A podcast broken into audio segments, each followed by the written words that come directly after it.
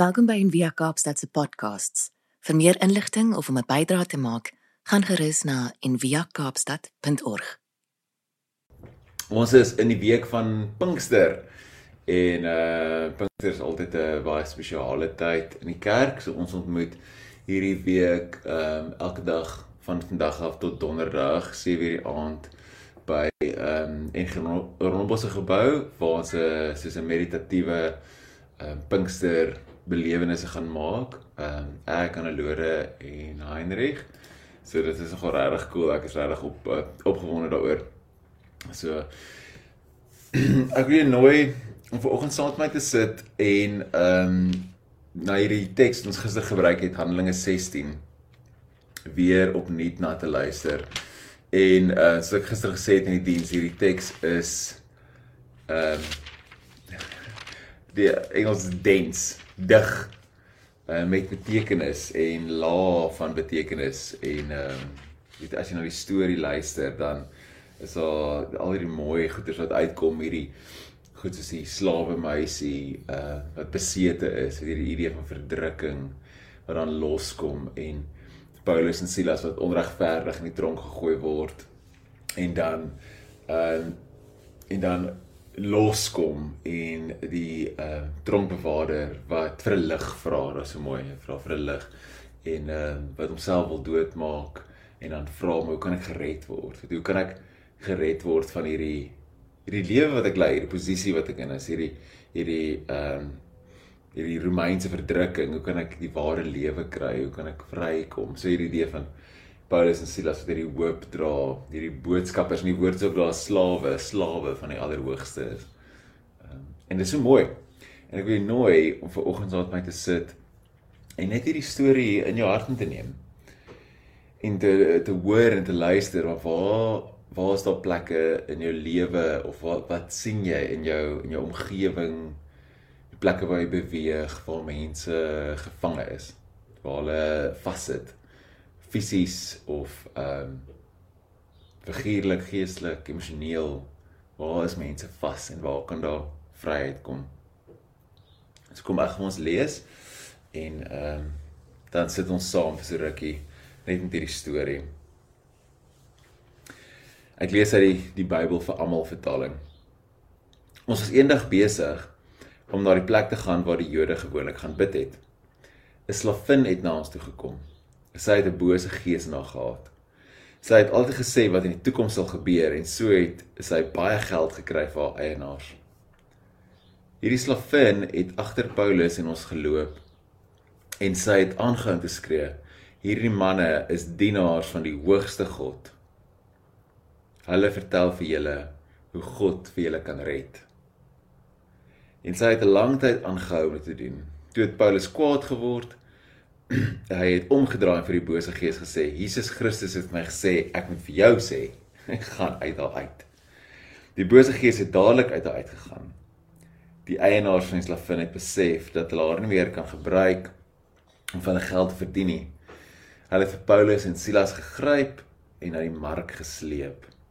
Die leiers van die stad was daar toe die eienaars van die slavin vir Paulus en Silas vir die Romeinse regerders gebring het, het die eienaars gesê: "Hierdie mense is Jode en hulle maak die mense in ons stad opstandig.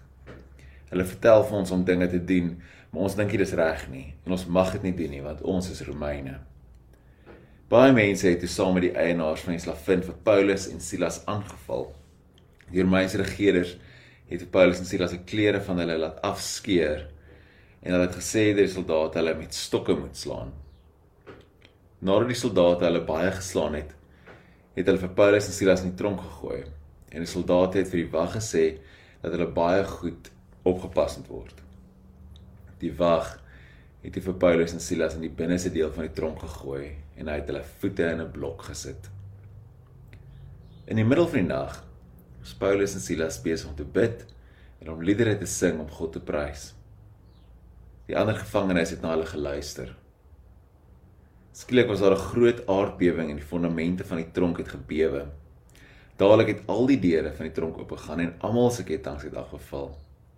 Toe die wag wakker word en sien dat die deure van die tronk oop is, het hy sy swaard uitgetrek. Hy wou homself doodmaak omdat hy gedink het dat die gevangenes almal weggevlug het. Maar Paulus het baie hard vir hom geskree: Moenie jouself doodmaak nie, ons is nog almal hier. Toe die wag gevra dat iemand 'n lig moet bring. En hy het in die binneste deel van die tronk ingehardloop. Hy het gebewe en hy het voor Paulus en Silas se voete op die grond geval. Nadat hy hulle buite toe geneem het, het hy gesê: "Menere, wat moet ek doen sodat God my kan red?" Hulle sê dit vir hom: "Jy moet glo in die Here Jesus en dan sal God jou red vir jou en jou huisgesin." En Paulus en Silas het vir die wag en al die mense in sy huisgesin vertel van die boodskap van die Here. Die wag het toe vir hulle in die nag laat hulle laat in die nag saamgeneem en hy het hulle seerplekke gewas. En Paulus het hom en al die mense in sy huisgesin dadelik gedoop. Die wag het toe hulle na sy huis gebring. Die wag het hulle toe na sy huis gebring en hy het vir hulle kos gegee om te eet. En almal in sy huis was baie bly omdat hulle nou in God begin glo het. Neem so 'n oomblik en dan sit net saam met my. Daar's so daar's so baie in hierdie verhaal. Die kos wat geëet word, wonde wat gewas word, 'n lig wat gevra word, boeye wat loskom, bose geeste wat uitgedryf word.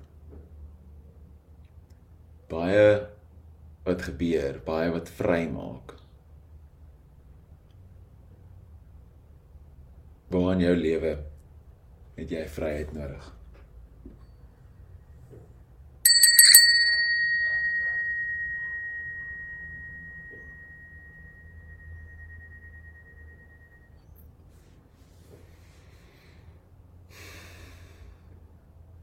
Ons 'n paar keer lekker diep asem saam met my.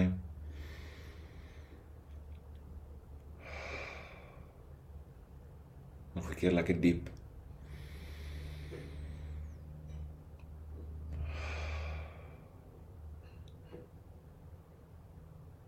Nog een keer.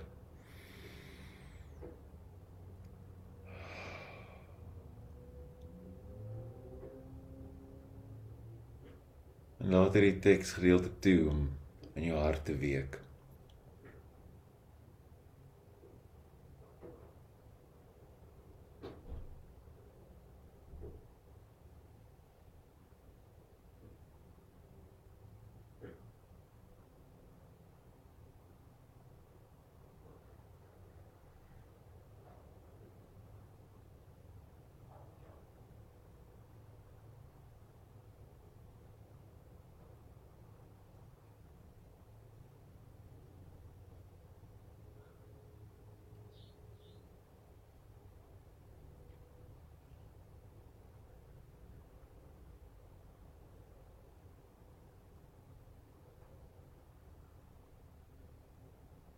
Wat nooi die Here jou na toe uit? Waar is daar vryheid nodig in jou lewe? En in die lewens van die rondom jou?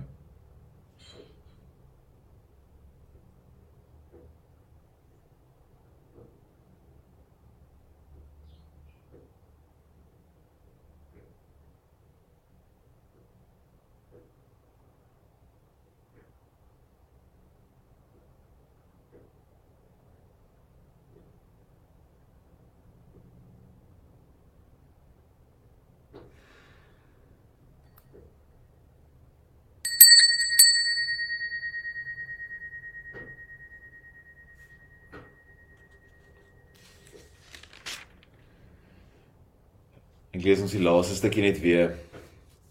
Toe die wag gevra dat iemand 'n lig moet bring en hy het in die binneste deel van die tronk ingehardloop. Hy het gebewe en hy het voor Paulus en Silas se voete op die grond geval. Nadat hy hulle buite geneem het, het hy gesê: "Menere, wat moet ek doen sodat God my kan red?" Hulle sê te vir hom: "Jy moet glo in die Here Jesus en dan sal God jou red vir jou en jou huisgesin." En Paulus en Silas het vir die wag en al die mense in sy huisgesin vertel van die boodskap van die Here. Die wag het toe vir hulle later in die nag saamgeneem en hy het hulle seerplekke gewas. En Paulus het hom en al die mense in sy huis gesin dadelik gedoop. Die wag het hulle toe na sy huis gebring en hy het hulle kos gegee om te eet. En almal in sy huisgesin was baie bly omdat hulle nou in God begin glo het. Amen. Mag jy 'n mooi week hê en mag jy regtig hierdie week vryheid beleef en vryheid uitdeel. Dankie dat jy saam geluister het vandag. Besoek gerus en via kaapstad.org vir meer inligting.